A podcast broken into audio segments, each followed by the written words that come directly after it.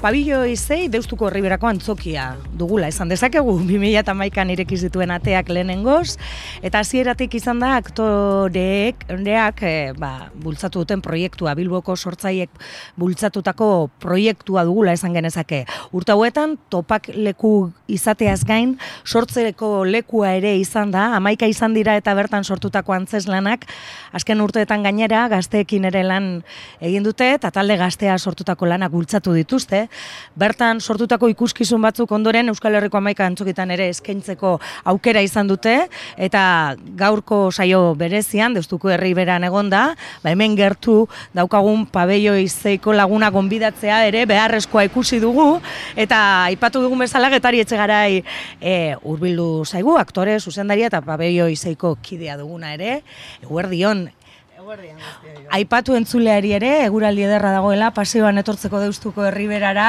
eta bizita egiteko baietz ba, eh? Bai, bai, paseo ederra da gainera, eh?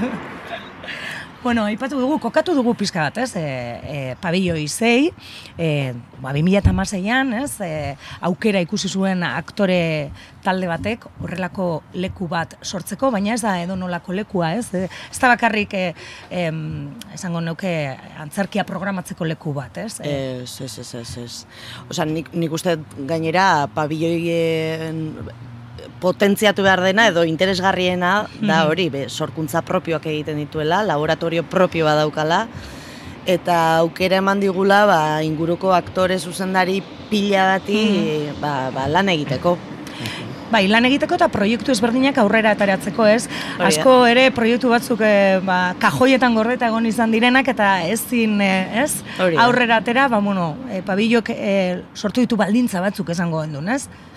Bai, bueno, azkenean eh, edo zeinek hartu, hartu ezake parte mm. pabilloien. Zuk aurkezten duzu zure proiektua, edo, bueno, proiektu asko jasotzen dira beti ezin dira guztiak aukeratu, ez? Baina nik uste oso garrantzitsua dela hori, e, aukera ematea jendeari lan egiteko, ze zaila da mundu honetan lan mm-hmm. egitea, eta askotan aukerak galdu egiten ditugu, edo beti berdinei ematen zaizkiela mm-hmm. ematen digu, ez? Eta pabilloien kasuan, ba, ba oso eskuzabala da, mm zentzu horretan e, guztiok hartzen dugulako parte e, ba, ba, hori, aukera ematen digutelako. Bai, ibili zara zu, aktore giza, zuzendari giza, laguntzaile giza, ez? E, bai. badago, e, esparro ezberdinetan lan egiteko aukera? Bai, bueno, gero bakoitzaren arabera, ez? Ni pixka buruti jota nagoelako, y le doy un poco a todo. Baina, bai, bai, bai, e, ibili naiz, bueno, hasi nintzen zuzendari laguntzaile bezala Ramonekin, eta hortik ja antzestera pasatu nintzen, eta azkenengo boladan, ba, zuzentzen, zuzentzen mm egon naiz. Eta konpainia gaztearekin batez ere izan da oso lan potentea egin duguna bai.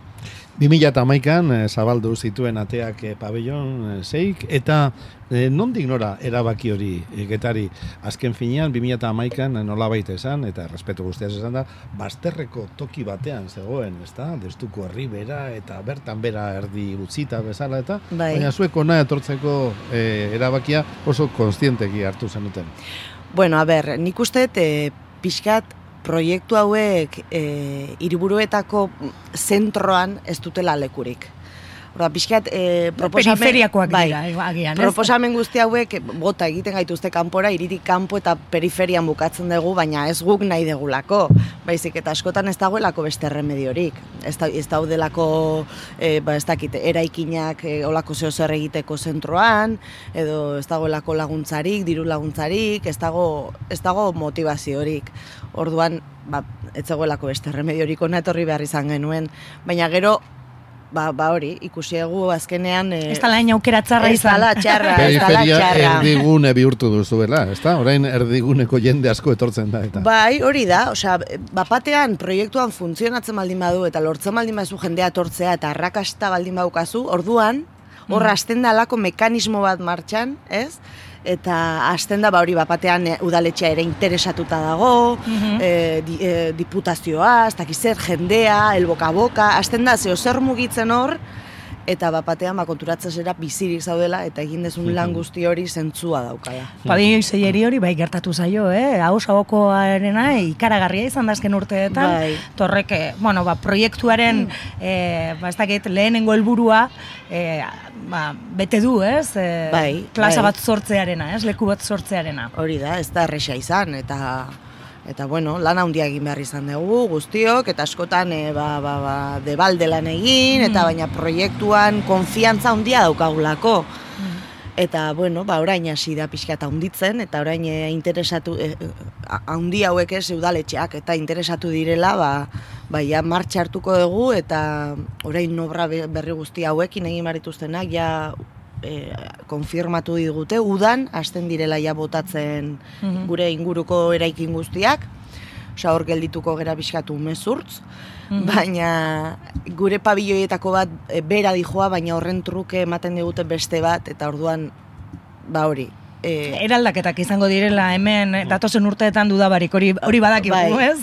bai, eta bueno, ba, aukera daukagula hemen gelditzeko, eta eta ba, esan daiteke bengoagatik udaletxearen laguntzaz, ba, hobekuntzak egongo direla.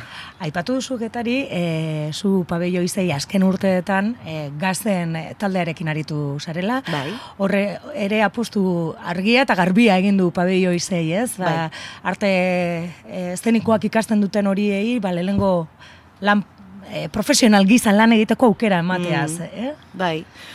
Bueno, e, hori da Bilbon daukagun beste arazo bat, ez? E, antzerki eskolak baditugula, eta urtero ez dakizen ba promozio ateratzen diren e, antzerki eskola bakoitzetik, eta gero ez dago lanik, lana egiteko aukerarik, eta orduan Madrilera joan behar dezu, Bartzelonara, ez dakin nora, osea, oso lan gutxi dago hemen, alde batetik ere, bat gure te, Euskal Telebistak ez duelako fikzioa egiten, eta zaila da, oso zaila da. Eta bueno, ba, pabilloiak ba, begira, hau e, Ramonen beste ideia bat izan zen. Ramon Barea aipatuko Ramon dugu. Barea, bai, claro, ber- bera, bera da honen, honen aita, ez? Eta, bueno, ba, ideia hori euki zuen, konpainia gazte bat sortzea, eskolatik eta ateratzen diren e, ba, gazte guzti horiek, ba, pixka bultzatzeko, eta trampolin moduan, ez, ba, Bai, aukera eukitzeko. Egoilar egoteko ere, ba, hilabete batez leku batean horrek ematen duen eh, esperientziarekin, eta bueno, ikuslego askok ere eh, ikusi alzaituelako ere hilabete horretan eh, zehar, ez da, egun bateko emanaldia esango gendun. Bueno, a ber, claro, eske hilabete, sei hilabete inguru izaten da Ah, pro- proiektuaren iraupena, eta kontratatuak daude, ze hori ere Ramonen eskutik lortu dugu e, ba, Bilbao ekintzaren bitartez gazte hauek kontratua eukitzea sei hilabete hauen e, iraupenean. Eta, eta hori, ba, gero e, zuzendari bakoitzaren arabera, ni hirugarren konpainia gaztea zuzendu dut.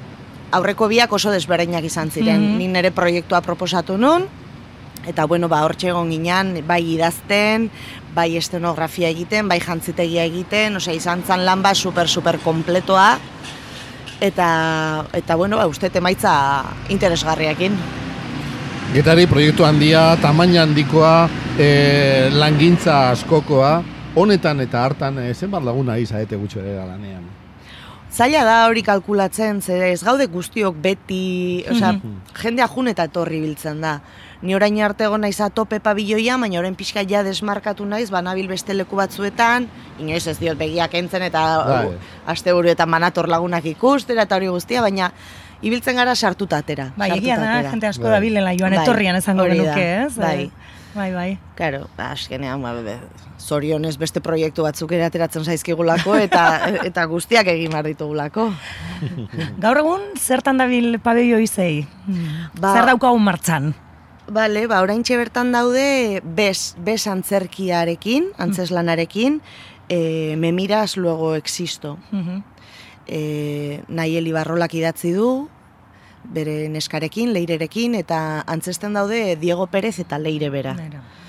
E, Oraindik ez dut ikusi, larun baterako hartu ditut sarrera, gaur, gaur e, gauerako, eta, eta hori, hori esan dezaket. Eta jendearen erantzuna bikaina, ez da, horren artekoan. Eta... Bai, eske gu ere pixka eta harrituta gaude horrekin, zen martxa sartzea kostatu zitzaigun, baina eske orain bete egiten dugu ia astebururo daukagunarekin.